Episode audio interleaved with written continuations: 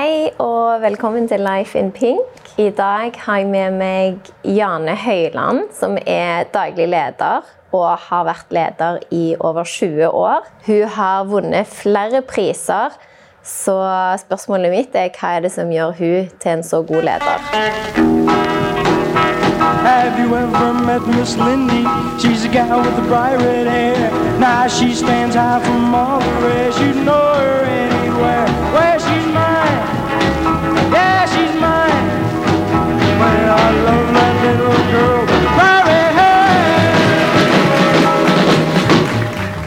Du har jo vært leder i mange år. Eh, Men jeg har lyst til at du skal fortelle litt om hvordan det starta. Har du alltid drømt om å være en leder? Eller? Ja, det har vel gjerne vært i blodet. Um, foreldrene mine drev et sagbruk, og mor var selger, så jeg var jo med henne på, rundt og selge Eh, og så, når jeg vokste opp i Stavanger, så var jeg så heldig å få jobb på Ikea. Og da ga de meg masse ansvar, sånn at jeg eh, følte at jeg drev det sjøl, på en måte. Og det var jo barneavdelingen. Så da var drømmen om å drive en lekebutikk, men det har jeg ikke gjort ennå. Okay. Så det har jeg til gode. Ja.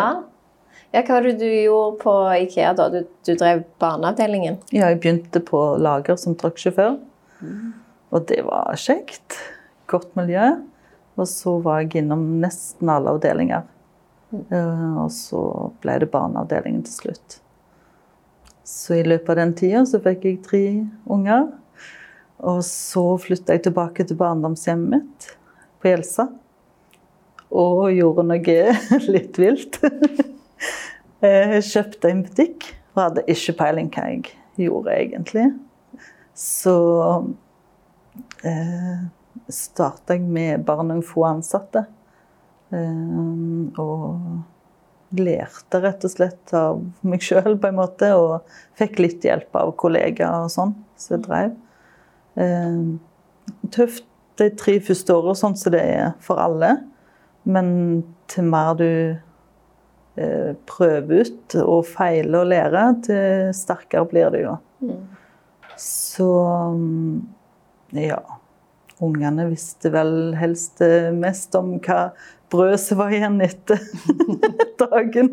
Det var liksom møte hjemme og møte på jobb. Og ja. Um, utrolig god lærdom. Jeg sier til alle så jeg snakker med at jeg, du blir ikke rik av å drive sjøl, men du blir rik på erfaring. Eh, Så det styrka meg veldig, og ja. Det gjorde meg lyst til å drive noe mer, da. Så flytta jeg tilbake til Stavanger, og da drev jeg forskjellige forretninger der. Eh, hjelpte andre med å få de opp og gå. Jeg kjøpte ikke noe sjøl. Så havna jeg på Grødem, på en Coop-butikk der. Og det var vel sikkert Ja, et, første året så var det mye hardt jobbing, for det var mye å, å bygge opp igjen. For den hadde vært litt svak lenge. Og uten at det var bevisst eller ei, men jeg hadde en super gjeng som var med og jobbet og drev den. eh, Og det gjorde at vi vant eh, beste i Rogaland av butikker under 60 millioner, og best i Norge. Så det var kjekt. Det var kjekt. Veldig kjekt. Men var det, altså, når du begynte der på Grødem, så som du sier, det, det gikk ikke så bra der. Nei. Så da var målet ditt på forhånd å få den opp og gjøre det bedre, altså? Selvfølgelig. Jeg er jo en fighter, holdt jeg på å si. Jeg elsker konkurranse. Har jo drevet volleyball, så alt som er konkurranse, det er jeg med på. Så vi vant jo andre småtitler òg, og småpremier eh, i Coop. Men eh, den var jo helt uventa. Og samme tid så hadde jeg jo da søkt jobb i Haugesund. Så eh, da var det litt vanskelig å velge, siden det gikk så bra der. Men tenker at nå hadde jeg gjort den ferdig, på en måte. Var oppe og gikk. Så nå går jeg videre. Så da driver jeg igjen i Haugesund. En ny utfordring. Ja, det kan du trygt si. Ja. Men- Så, Altså, hva, hva er det du gjør som er Altså, hva er det du gjør rett, siden det faktisk går så bra? Altså at du får det til? Tror du? ja, si det igjen. Eh, jeg tror det er grunnleggende som du har i deg, at du driver som det er din egen. At du ikke bare går der for å gjøre en jobb og få penger og gå. Og få alle med på laget, spille som et team. Så jeg ble veldig opplært til på Ikea. At det, er teamwork. Eh, det nytter ikke om du er god hvis resten ikke er god. Det er jo samme på idrett. Eh, Så det har jeg dratt mye med meg. Og klart det er mange hindringer og mange utfordringer av de ansatte, men eh, du det, det er liksom en seier, det òg. Jeg har hatt veldig mye inne folk som har vært fra Nav eller arbeidstiltak. Og det ser jeg òg ut som en utfordring, for det eh, det er fantastisk å se et menneske få selvtillit og gjerne får ansvar. Og kanskje en dag gjerne blir en eller annen leder på et eller annet vis. Så iallfall fem av de som jeg hadde ansatt på Gjelsa, de har starta ting sjøl. Og sier at det, det var hard skole hos deg, Janne, men vi husker mye av det du sa, og det gjør meg sterke nok til å klare å drive i dag, da. Mm. Så Så det det er nesten sånn at det, når du har vært lederen de, så har du samtidig lært de opp til å bli ledere. Ja, stemmer. Hvordan Det det. gjør du det? Eh, gir de tillit, lar de få prøve å lære, feile. Eh, rettlede de på rett vei. Og ingen er like, og ingen driver det likt. Men du når samme målet på en måte til slutt. Og du er Ja. Du har ressurser i deg som du ikke er klar over, som du kan få fram. Det er bare snakk om eh, ha omsorg og bry seg om de og følge de opp. Så Tror du at hvem som helst kan bli en leder med altså, rette opplæringen eller veiledningen? ja, det er ikke umulig. Selv for meg så hadde jeg veldig lave karakterer på skolen og kun to år på utdanning. Eh, Så har jeg jobba meg opp med kurs og skoler og jobber og erfaringer via det. Så det er bare innstillinger, tror jeg. Alt er mulig. Når du, altså det var jo på Gjelsa da du først ble leder. Eller bare kjøpte en butikk Ja. og kjørte på. Altså sånn I startfasen, selv om du på en måte hadde jobbet på Ikea og hadde ansvar og sånn der, og hadde en interesse for det, yeah. hvordan, altså hvordan Det må jo ha vært mye å sette seg inn i uansett sånn altså businessmessig og administrativt og ja. Altså hvordan eh, Uansett hvem du jobber for eller hos, så får du jo en eh, støtte i et lederskap, da. Så de er med deg underveis. Eh, men det var ikke så mye av det akkurat de 14 åra på Gjelsa, da. Men eh, det gikk på sett og vis, som sagt, kollegaer som egentlig var støttespillerne. Og så fant du ut av ting sjøl. Og der inne var det jo fantastisk. siden det er ei lita bygd med 200 innbyggere og bortimot 900 hytter. Så det var veldig sesongbasert. Så det var enten toppsalg eller båndsalg. Så du lærte å planlegge. Jeg tror det er faktisk mye av det jeg har tatt med meg overalt. At eh, hvis du er mor, f.eks., så må du planlegge. Og hvis du da har sånne sesongsvingninger, så må du være sykt dyktig å planlegge. Det er egentlig halve jobben til det meste du gjør i livet. Det er planlegging. Ja, det, den kan jeg se. Men eh, altså Jeg bare lurer på Er det sånn at jeg kunne bare kjøpt en butikk, og så bare Altså Ja, det er jo bare å hoppe i det, det. Du kan ikke annet enn å feile, liksom. Sant? Du må jo ha litt økonomi til det, da. Ja. Og hvis du er så heldig, så sånn småkommuner, så er de flinke og støtter deg med litt hjelp. Jeg fikk ikke så mye penger, jeg, da, men som sagt, du ble heller ikke rik på det. Og første året var det så å si ingen lønn. Eh, hvis du klarer deg gjennom sånne ting, så klarer du alt. Så det er mulig for alle. ja. Det er det. Du må tåle en kneik og, og to og tre. Det er ganske mange ting du må gjennom. Hva, altså, gjennom de jobbene du har hatt som leder, hva, hva slags utfordringer har du truffet på? Ja, det er mye. Mye. Det er alt ifra utfordringer med ansatte spesielt. Det er vel egentlig den tyngste jobben. Eh, og ikke minst eh, at du skal kunne samarbeide med både mm, selskapet du jobber for, eller ledelsen. Kundene kan være en kjempeutfordring. Eh, spesielt når det er veldig mye stjeling. Jeg har opplevd ran og ja, innbrudd i massevis og mye stjeling. Eh, og mye vold eh, på arbeidsplassen. Altså av- via kunder som er uberegnelige. Oh. Men eh, eh, du blir vant med det på en måte, det løy å si. Men eh, de sa spesielt når jeg kom til Haugesund at det her er det litt forskjellig. Og det tok to uker, så var jeg liksom vant med det på en måte. Men det, det er veldig forskjellige plasser hvordan det er da. Wow. Altså innbrudd.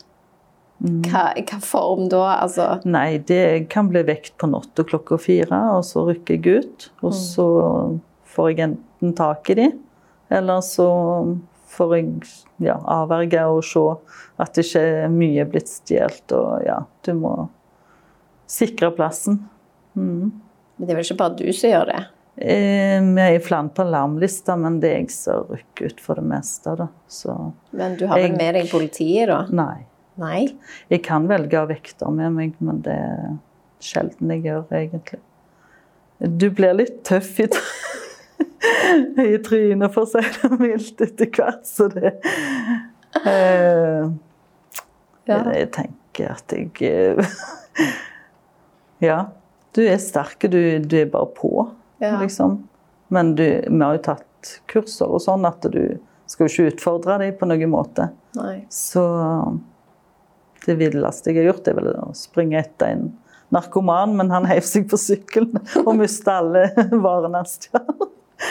Så nei. Jeg skal ikke legge noen i bakken for det om du får lyst Nei. når de er- kommer igjen og igjen. Men altså, som du sier da, med vanskelige kunder, og f.eks. hvis det er vold involvert, altså, hvordan håndterer du det?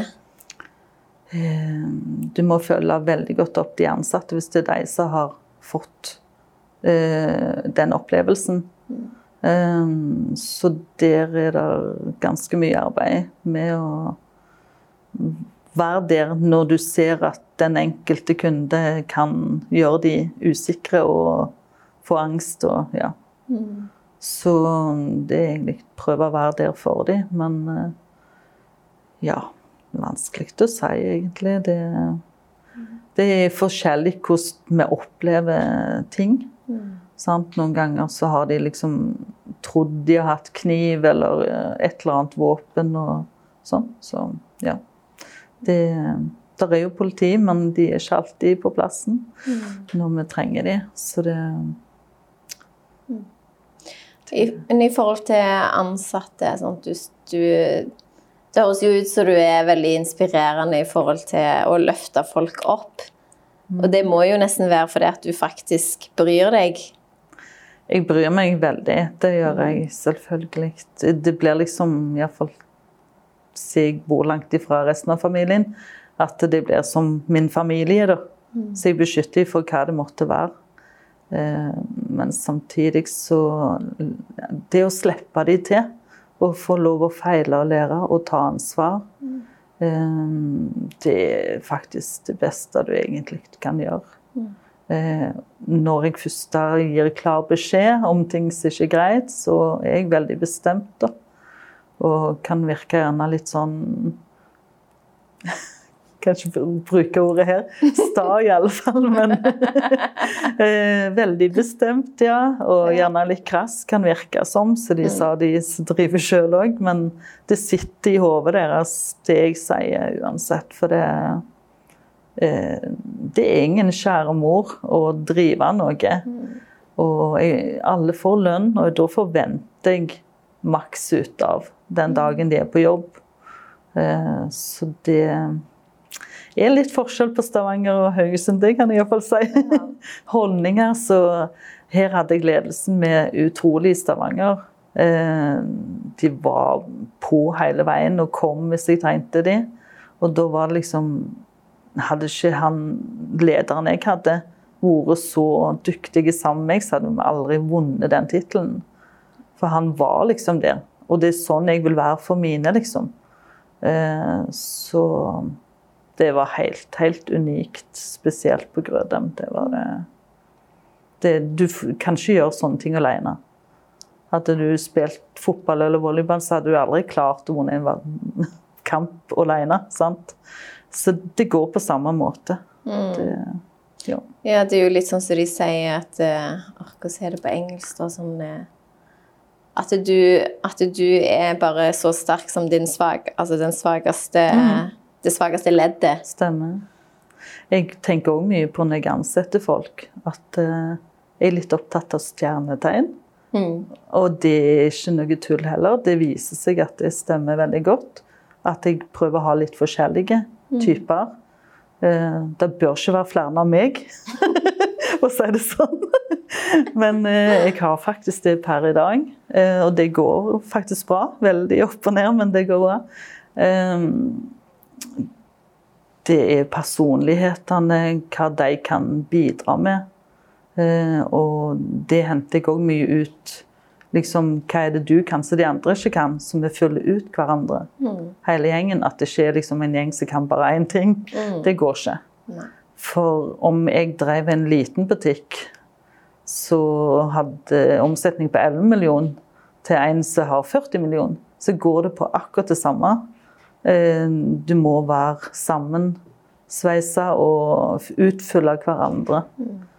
Så det er fantastisk. Og det gjør òg at kun, nei, kun, de ansatte kommer på jobb og, og føler liksom de er en del av bedriften. De er ikke bare å stemple inn og stemple ut, men de har faktisk tanker om hva de skal gjøre når de kommer på jobb. Så, så var samme målet for meg når jeg hadde Else, at eh, jeg vil ikke bare få kundene til å handle her og nå, men om å gjøre at de handler med seg hjem igjen fra hytta. Og det klarte vi ganske godt til slutt. Så det er liksom sette seg mål i livet. Alltid et mål, men som regel har jeg alltid hatt høyere mål enn jeg klarer å nå. Og det har kanskje stressa meg litt til tider. Og det har jo vist seg igjen etterpå at det, det, du får igjen for det, men det kan òg stresse deg og få andre bivirkninger med helsa. Men eh, du kommer gjennom det òg. Ja, er det litt sånn at det, Sånn som du sier at du setter deg for høye mål, du, og du har jo faktisk oppnådd en del ting, men er det litt sånn at du føler selv at det aldri er godt nok? Altså du higer Ja. alltid etter mer. Akkurat. Ja. Ungene mine sier jo det, du er jo aldri fornøyd, mamma. og det er vel rett før de ansatte òg sier. Men det er jo snakk om å strekke seg litt lenger til, og litt til og litt til. Det er det som trigger deg til å komme til topps. Og jeg eh, forventer toppen. Jeg, det er ikke snakk om å være noe syvende divisjon her, altså. Nei. Det er bare det beste som er godt nok. Og den gode følelsen at du har oppnådd det i sammen, da, det, det feires jo. Men hva forventer du når du sier at det er bare det beste som er godt nok? Altså, for når du snakker om de ansatte, så virker det jo som de har veldig sånn frihet til å være seg sjøl. At de føler seg akseptert av deg eller av ledelsen, og at det, altså, de kan være seg sjøl på jobb. eh, men du vil jo bare ha det beste, så, så hvor, altså, hvor mye forventer du hvis vi snakker om eksempel, sånn som du sier, at det går, kan gå utover helsa til slutt hvis det blir for mye press? Ja. ja, jeg presser jo deg òg litt, men jeg må jo se hver individ an, da. Det er ikke alle som tåler det på samme måte. Eh, Og det er jo menneskekjenner du blir når du har hatt så mange hundre ansatte i løpet av livet. Ehm, Så da Ja, jeg forventer at de yter det de klarer den dagen, og kanskje litt til. At de setter seg mål når de kommer på jobb. Liksom at det her skal det og det være gjort innen den og den tida. For sånn som tida har blitt for oss alle, så er det kappløp med tiden og deadline på ditt. Og, ja, og ja, hele veien er det noe så du skal komme inn forbi. Og, og forklare de dette her at det er faktisk ikke bare meg som butikksjef som skal ha de fristene. For hvis jeg ikke gjør min jobb, så må den på neste skift gjøre sitt, eh, sin jobb og min.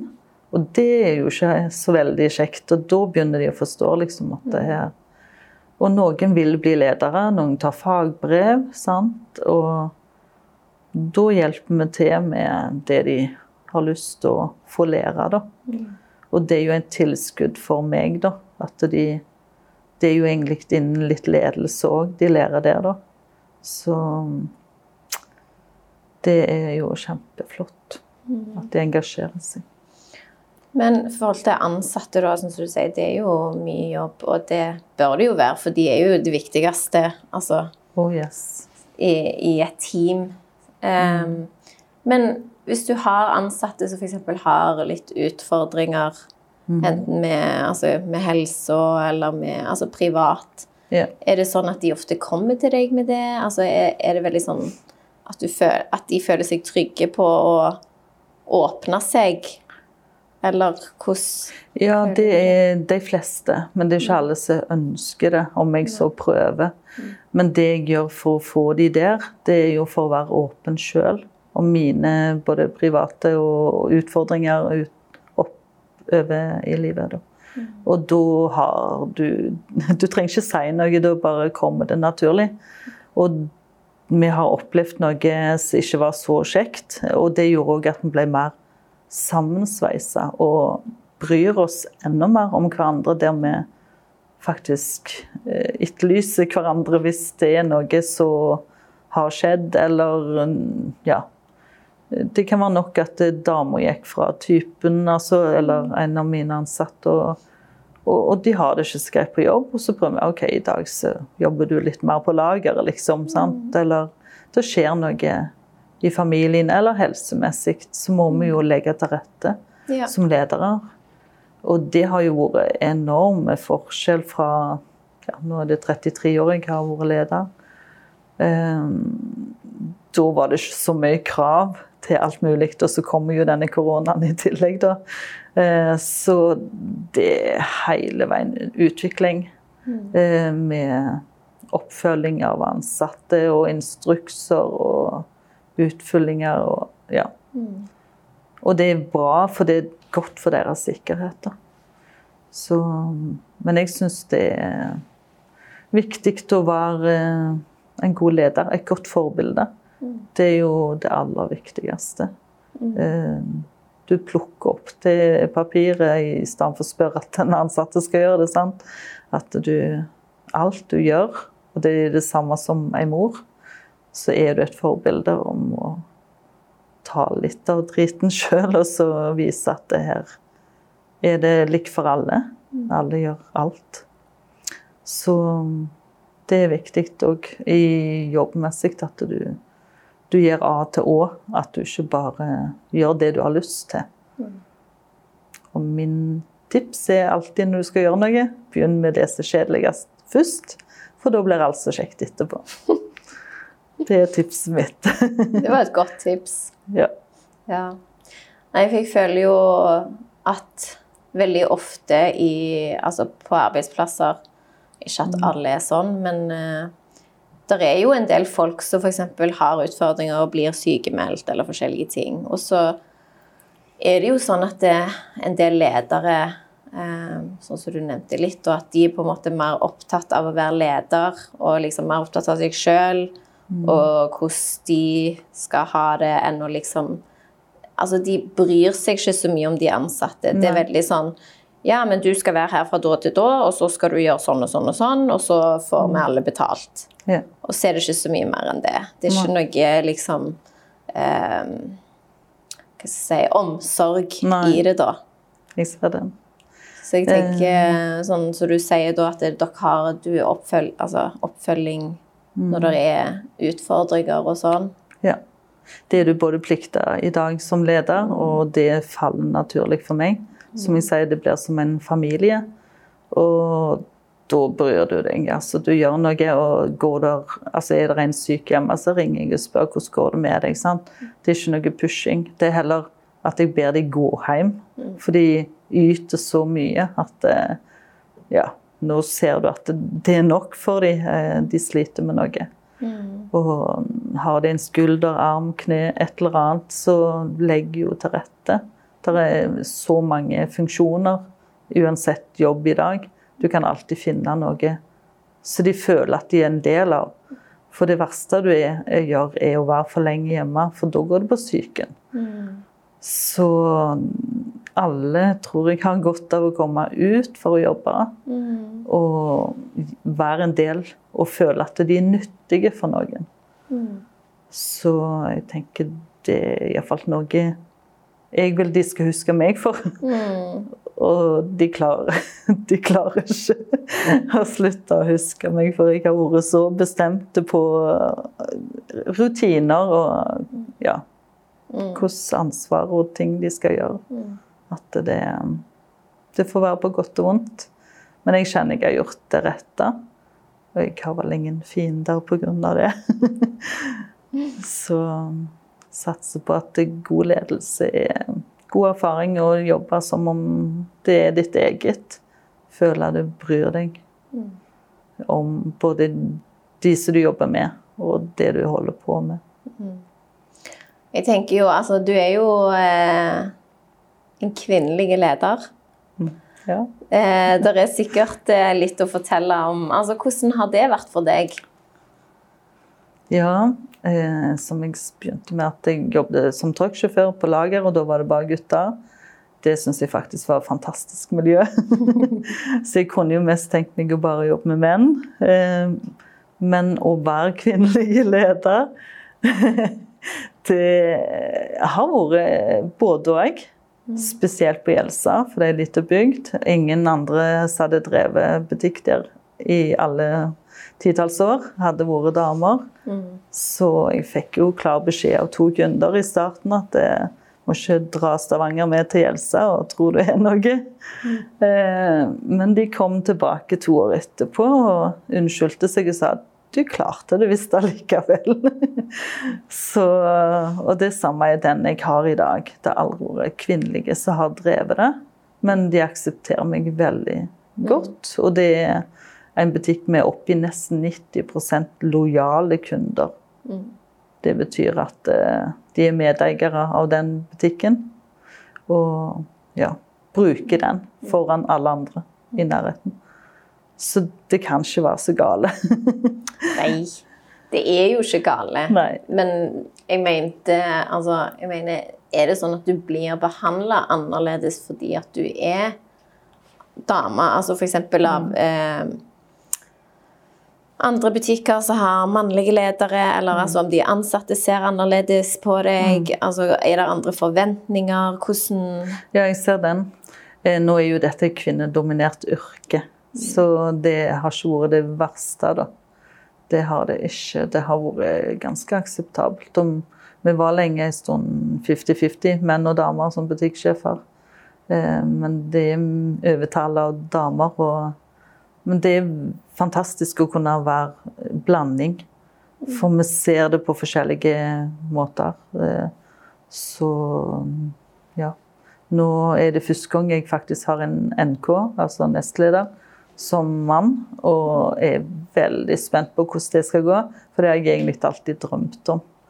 Eh, Det blir liksom på en helt annen måte, og jeg tenker vi kommer til å utfylle hverandre eh, sånn skjønnsmessig eh, med tanker på hvordan du gjør forskjellige funksjoner. For menn er uansett veldig enkle, og det kan være bra. Mens vi tenker mer på konsekvensene med damer. Eh, så det er mm, leder som Ja. I matyrket det er egentlig ikke eh, nedtrødd på noen måte. Det er akseptert veldig bra. Det er det. Så Men altså, det er én ting at det er akseptert, men føler du at det er noe sånn eh, forventning eller press til at du skal oppføre deg på en viss måte? Fordi at du er altså nå, nå er jo dette et kvinnedominert yrke, da. Men det er jo veldig mange kvinnelige ledere som altså kanskje har jobbet seg opp, og de har fått den lederstillingen fordi at de var flinke. Men som en gang de går inn i en, en lederrolle, så, så blir det en slags sånn endring i personlighet, fordi at de føler nesten at de må være som en mann, f.eks. Ja. Har du, du har ikke merka noe til det? Nei, eh, eneste jeg kommer på er at jeg er minst av tre søstre. Og jeg ble liksom alltid opplært som en gutt. Så jeg hadde alltid bukser og kort hår. Så jeg har vel vært liksom litt tøff fra start, så det Det ligger liksom i meg å være samarbeidsvillig med både menn og damer på ja, begge måter, både privat og jobb. Så det er liksom eh, Kanskje det òg er litt den der feiteren i deg, så at du ja ikke ble akseptert på en måte som ung, men at du, du har kommet over det, og du faktisk blir akseptert som kvinne i ledelse. Så Nei, jeg eh, føler ikke at det har vært noe problem. Og ikke har jeg sett noen kollegaer som har slitt med det som kvinne i denne bransjen. Da. Nei. Så Det er jo bra. det kan jeg anbefale. Det kan du anbefale. Ja, for det er jo litt eh, altså, mer det at du ser folk som de de er, istedenfor altså, hva kjønn de er. Ja. At det, altså, det går mer på hvem er du, og Mm. hva kan du, og hva er du Ja. god på. Sant? Ja, Og, og få de til å bli enda bedre. ja absolutt. Jeg føler det er litt fokuset ditt. Ja. Ja, og nå er det i min jobb òg, i konseptet, gått veldig ut med at de satser på våre NK-er. Sånn at eh, vi plikter nærmest til å bygge dem opp til en butikksjef. Og det er jo bra både for meg og for firmaet. For da er vi liksom to som kan det samme. Og det er veldig mange som glemmer ut. Jeg har opplevd flere toppsjefer rundt omkring som jeg har truffet på reiser og sånn. Og de sier ja, nå skal jeg snart pensjonere meg, men oi, de, de har ikke liksom funnet noen som de har lært opp, som skal overta. Jeg eh, tok over en jobb etter ei annen dame på flyplassen. Hun hadde hatt han i 16 år. Og hun hadde ingen som kunne det hun kunne. Og så sier jeg hvordan skal du lære meg dette? Og da sa oi, jeg har ikke nedskrevet noe, alt ligger her. Så hun sleit jo litt faktisk med å få det på papiret. Så det er jo òg en ting som jeg har lært, liksom dokumentere alt, sånn at du har nærmest en perm klar når det kommer en annen. Eller du blir syk eller havner i ulykke, så er alt klappa klart, og det er enkelt å bare hoppe inn, liksom. Eh, og det går jo på planlegging igjen, da. Så, men hun brukte da en måned på å lære meg opp på det. Så hun hadde bare i hodet i 16 år, liksom. Så det er sånne ting jeg har lært av at de andre har gjerne gjort litt feil. Skal jeg prøve å gjøre på en annen måte eh, når jeg går videre og har neste jobb, liksom. Men nå er jeg egentlig der som jeg alltid har drømt om. I eliteseriene, eh, på en måte. Eh, utenom at jeg fortsatt har lyst til å drive en lekeforretning. Men eh, jeg tror kanskje at eh, tida går litt ifra meg nå, og starte opp noe, da. Iallfall i disse tider, da. Så jeg vil heller være en god lærer, og det er det samme som leder. har jeg funnet Ja. Eh, og lære andre mine ting så de kan ha nytte av. Så de slipper å feile og tape penger og tid og bekymringer. Så bruker jeg min ledelse på det heller, tror jeg. Your legacy. Yes. Men det er jo lurt, da, for sånn som du sier òg, at altså, nå er jo dette en del av personligheten din, at du, du har en interesse for det, og du har en interesse for folk og, og sånne ting. Men eh, du legger liksom litt igjen av deg i alle du jobber med. Ja, gjør det. Hvordan føles det, da? Det føles godt. Eh, Det er ikke alt som kan bli sagt der, så er konfidensielt, men eh, det er en seier liksom i seg selv når du kan gå ifra noe som du har bygd opp, og noen kan bare ta ballen videre. Så det har vært fantastisk. Etter jeg kom til Stavanger i alle fall, og eh, starte å drive noe som eh, har vært veldig dårlig lenge. Da kan alt bare bli bedre. Men at det eksploderer, liksom, det hadde jeg ikke forventa. Men du kan komme fra ei bygd til en by, og så kan du faktisk klare å oppnå ting. Det hadde jeg jo aldri drømt om. For sånn var det når jeg drev med volleyball òg. Det var liksom ikke om å gjøre å bli best eller vinne noe. Det var bare å kjenne den mestringsfølelsen at du har oppnådd ett nivå, ett nivå hele veien. Så, så gjør at du liksom går videre. Og bare Du slutter ikke sulten på å bli bedre. Og åpen for eh, lærdom, ikke minst. Nå er jeg 50, men jeg har fortsatt masse å lære. Så det Nei, fantastisk. Det er veldig kjekt. Jeg elsker jobben min. Ja, det er vel Det- kanskje det som er grunnen til at du har så mye motivasjon for det òg. Ja. Og det unner jeg alle å jobbe med noe de elsker å gjøre, altså. Da har du igjen for det både sjøl, privat og jobb. Og Det må være helt forferdelig å drive på med noe du ikke liker. Så, men klart, sånn som nå, jeg har til og med hatt en pilot som har jobbet hos meg. Fordi han fikk jo ikke jobb når korona slo til. Sant? Altså, det er utrolig hvor mye eh, de har forandra. Og den der oljekneika som var her i 2014, den fikk jeg føle på veldig på Grødam. Og jeg hadde liksom ikke trodd at det, du fikk så mange utfordringer i forhold til Det var ikke bare de som mista jobben i olja, men og unger, liksom. Eh, Da tror jeg jeg hadde 170 søkere på en liten jobb, liksom. Og det var jo oljefolk, liksom. OK. Så Og det òg, når du ansetter noen, tørre å satse, ikke bare stjernetegne, men forskjellige kjønn, forskjellige bakgrunn. Eh, Jeg har hatt misbrukere som har fått jobb. Eh, De har jo selvfølgelig vært fri for mange år. Men gi folk en sjanse. Ha tro på dem. Gi dem sjøltillit, og da blomstrer de. Da, Mestringsfølelse. ja, absolutt. Det Ja, for det er jo noe med det at altså, vi er jo bare alle mennesker. Altså, vi vil jo på en måte det samme.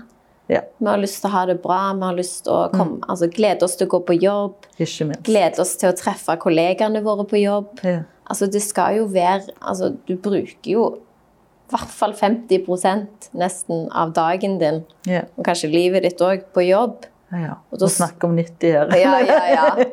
Tydeligvis.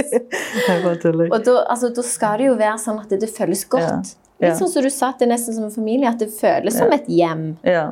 For det er egentlig ditt andre eller tredje hjem. Ja. Jeg har ansatte som ikke har slekt i nærheten. Og de blir helt sånn 'Jeg kan ikke være syk, for det, jeg må jo være her med dere.' sånn. Og det kjente jeg på når koronaen òg kom, og jeg måtte i en kort karantene. Jeg følte liksom jeg slepte ungene mine fri ut i krigen. Sant? Og Der du sjøl er hjemme svak og ikke kan hjelpe dem. For vi visste jo ikke konsekvensen når det starta, liksom. Og da, de til og med var så snille at de handla for meg og kom på døra med det. Så ja, de stiller opp gratis og jobber frivillig for de føler at de må gjøre noe ferdig som de ikke har gjort. Og De får sånne gode holdninger, så du bare jeg har lyst til å gi dem en klem, og jeg gleder meg til det. Det er helt utrolig hva de gir av seg sjøl. Hva, hva tror du det som gjør at de er så motiverte? Sånn som du sier om de jobber De kan nesten jobbe dugnad. Altså, de kommer og jobber gratis. Altså Kommer på døra med mat. Ja. Altså, Jeg kan ikke se for meg at jeg hadde gjort det til en av sjefene jeg har hatt i livet. Jeg hadde jo vært livredd. Såpass. Ja.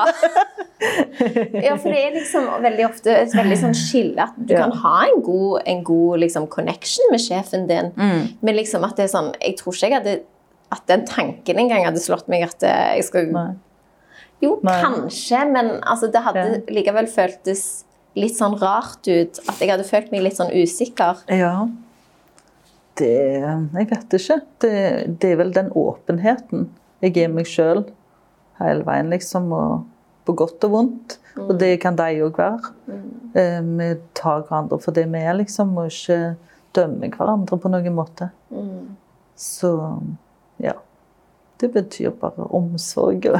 Ja, At de At det er mer fokus på løsninger istedenfor Ja. problemer. Ja. Eh, og hvordan du kan gjøre det bedre. Mm. Og, Og jeg merker jo spesielt når Iallfall når jeg kom inn i bildet, at eh, de kunne så mye som jeg ikke kunne. For dette var en ny bransje for meg, eller nye konsept. Og da var det sånn Å, skal jeg lære deg, liksom? sant? Og bare Nå ble jeg rak i ryggen, sant? Og, nei, og da bare Ja, OK, selvfølgelig. Jeg må jo integrere meg med dere. Nå er det dere skal lære meg. Og så får vi ta det derifra, liksom. Og da Du er litt ydmyk, og du får. Og da vokser de, som sagt. Veldig. ja. Jeg tenker Det er jo liksom den forskjellen på å gjøre noe fordi du har lyst til å gjøre det, Mm. enn i motsatt til å gjøre det fordi du føler du må. Mm. Det er sant. Eh, Vi har jo òg prøvd å gjort en del privat koselig. Alt fra bowling til eh, en sånn eh, Jeg vet ikke hva de kaller det. Det er aktivitet som du- får deg til å jobbe i sammen. Mm. Teambuilding heter det, selvfølgelig. Og sommerfest og julebord, selvfølgelig. Jeg har lagd frokost til dem sant? i stedet for eh, da før jul. Eh, I stedet for liksom gå ut og gjøre noe. Eh, lønningspils. Så det å gi litt av seg sjøl på fritid òg innimellom, gir deg enda mer sammensveis. Det er jo sånn, De vil ikke gå hjem fra jobb. Eh, og de gjør det sjøl, gjerne engasjerer seg sjøl til slutt. Og skal vi ikke gjøre det, liksom? Og så tar de over, på en måte. Eh, det var spesielt mye av på Grødem, det kan jeg si. Men nå er det jo stoppa litt med koronaen, med alt vi kan gjøre. Så vi har liksom en liste over alt vi har lyst til å få til etterpå. Ja. Men ja, jeg tror det å ikke være den der dominerende sjefen for det om du er bestemt og ikke aksepterer alt, men at du er faktisk et menneske, du òg. Og en trenger deg innimellom òg, liksom, til å snakke med. Eh, Og være åpen, ja. Sånn at de, de ikke føler at de kommer til et fengsel eller til strenge regler, og her kan du ikke gjøre hva du vil, liksom. Det er liksom ikke det nivået. Så Ja. Utenom at eh, du eh, alltid har hatt en drøm om å starte en leketøysbutikk, er det noe du tenker altså når du tenker tilbake, er det noe du ville gjort annerledes? jeg vet ikke om jeg hadde kjøpt butikk igjen. Sånn som jeg gjorde da, når jeg hadde tre små unger og en mann som pendla. Eh, det endte jo nesten med at jeg drev bygda òg, følte jeg, fordi jeg arrangerte forskjellige ting for bygda. Eh, for å få litt liv og røre.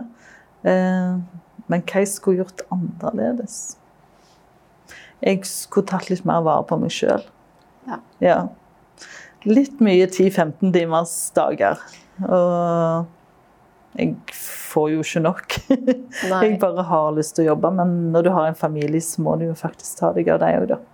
Så jeg var veldig flinkere i slutten å ta meg ferier. Det er liksom tre-fire første året hadde jeg gjerne ei uke ferie i året. Så du må gi for å drive. Det er ikke noe som kommer av seg sjøl. Og går det nedover, så kan det jo bare gå oppover. Det er liksom motivasjonen min. Uansett hva du møter av hindringer i livet, så kan alt bare gå opp. Helt sant. Men hvordan var det da å starte, kjøpe butikk, starte butikk, tre unger hjemme, Ja. en mann som pendla? ja. Fantastisk. Hvordan, hvordan gikk det opp? Takket være mine foreldre som Ja. bodde i nærheten, så var de både sjåfør og barnevakt og lagde middag. Og, ja, de stilte på alt. Jeg hadde ikke klart uten de. Det er ingen tvil om. Mm. Det måtte jeg ha. Mens i tillegg til jobb så var du byens eh, hva, festarrangør, eller altså eventmanager. eh, Ja, byen. Byen Gjelsa. Ja. OK, det var nesten det en gang. Um, Nesten. Ja. Det var det. Um, ja, jeg fant ut de må gjøre noe for kundene, så de føler at denne butikken betyr noe for dem. Eh, for det er liksom 900 hytter og sov liv om sommeren. Og det var liksom bufferen for oss for vinteren, for å overleve omsetningen og sånn. Eh, Men jeg liker å gi av meg sjøl, så jeg starta et sommermarked da, i det små med masse sånne små boder som var lokale, som sto og solgte alt fra porselen til klær og ja, sånn forskjellig. Og Gjelsa jordbær. Ja, ikke minst. De er viktige. Koronabærer. Mm. Stemmer, de var med fra starten. Og jeg fikk med mine leverandører på forskjellige aktiviteter da, og blant annet eh, is de ga gratis til unger. Det var jo stas, da.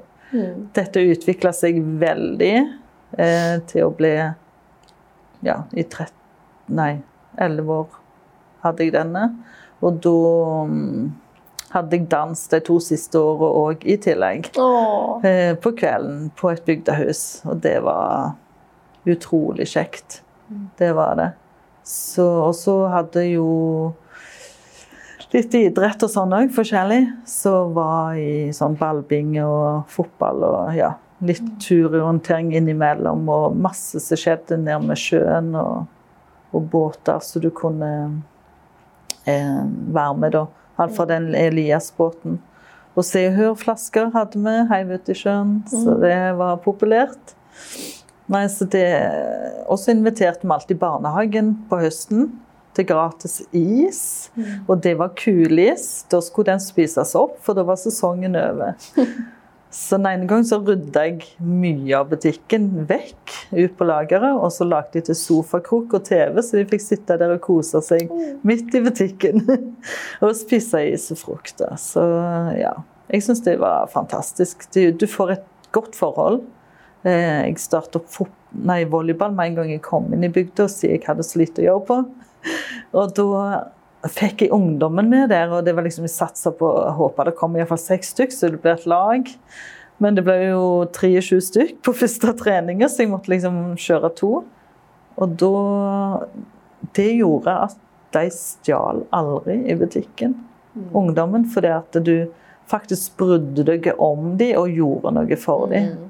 For en liten bygd så er det ikke så mye som skjer. Jeg er jo vokst opp der sjøl. Men da var det jo mye mer folk som bodde der. Så, så det også gi noe av deg sjøl og for andre trenger ikke koste så mye, egentlig. Så, så bryr de seg om det du driver på med. For ingenting var liksom skap for 'her skal jeg tjene penger'. Det var for å, at jeg skulle gi noe endelig til de, liksom, av både ting. Og vaffeldag hadde vi ofte. og ja, Masse sånn kjekt. Så vi fikk jo prisen den mest sosiale møteplassen oh. i Norge. Wow, på Gjelsa. Ja, på Gjelsa. Alltid gratis kaffe ja. Ja. Så det, det kom båtveien og landveien. Så det var veldig kjekt. Det var vel ikke den eneste prisen? Nei, det var visst et par priser til. Mm. Men det var noe særlig i bygda var med på, da. Men jeg Mm. Pusha veldig med plakater og sende rundt, og da var det jo helst bare SMS ting gikk på Mm. i den tida. Som ble kåret til mest idylliske plass i, i Rogaland. Mm. Så det var fantastisk. Det var som 17. mai når vi vant over Nestrand, se nabokommunen, liksom. Sant? Og helt utrolig. Mm. Så det Ja, like konkurranser, kan du si. Hiver deg på med strak arm. Oh yeah. Nei, men så bra. Um, hva tips har du til andre som har lyst å bli ledere, men som kanskje ikke nødvendigvis har en lederutdannelse? At alt er mulig hvis du har litt ressurser, litt kompetanse, selvfølgelig bør du ha, eller støtteapparat som kan hjelpe deg med å komme i gang. Um, Begynn i det små. Jeg leser en bok da jeg starta at jeg skal ikke dømme menn, men menn er sånn som skal liksom ha alt nytt med en gang. Det viktigste er å kjøpe litt og litt og litt og litt. At du ikke dreper din kreditt med en gang og kjenner at du er i kjelleren litt for lenge. Um, aldri ja, kjøpe inn alt på en gang, nei. Ta litt og litt. Det er det viktigste. Og ja. Tror jeg, for å starte noe. Ja. Og som eh, person, da. Altså Vær deg sjøl. vær deg Vær åpen. åpen. Lytt, og skal du ha flere, fyll ut hverandre. Ikke vær samme type personer. Sånn at du blir et superteam. Ja. Nei, da tror jeg vi er ferdig for i dag. Ja. Ja, Takk for at jeg fikk komme. Ja, det var kjekt at du kom. Takk for nå. Håper du ble inspirert, og så ses vi igjen neste gang.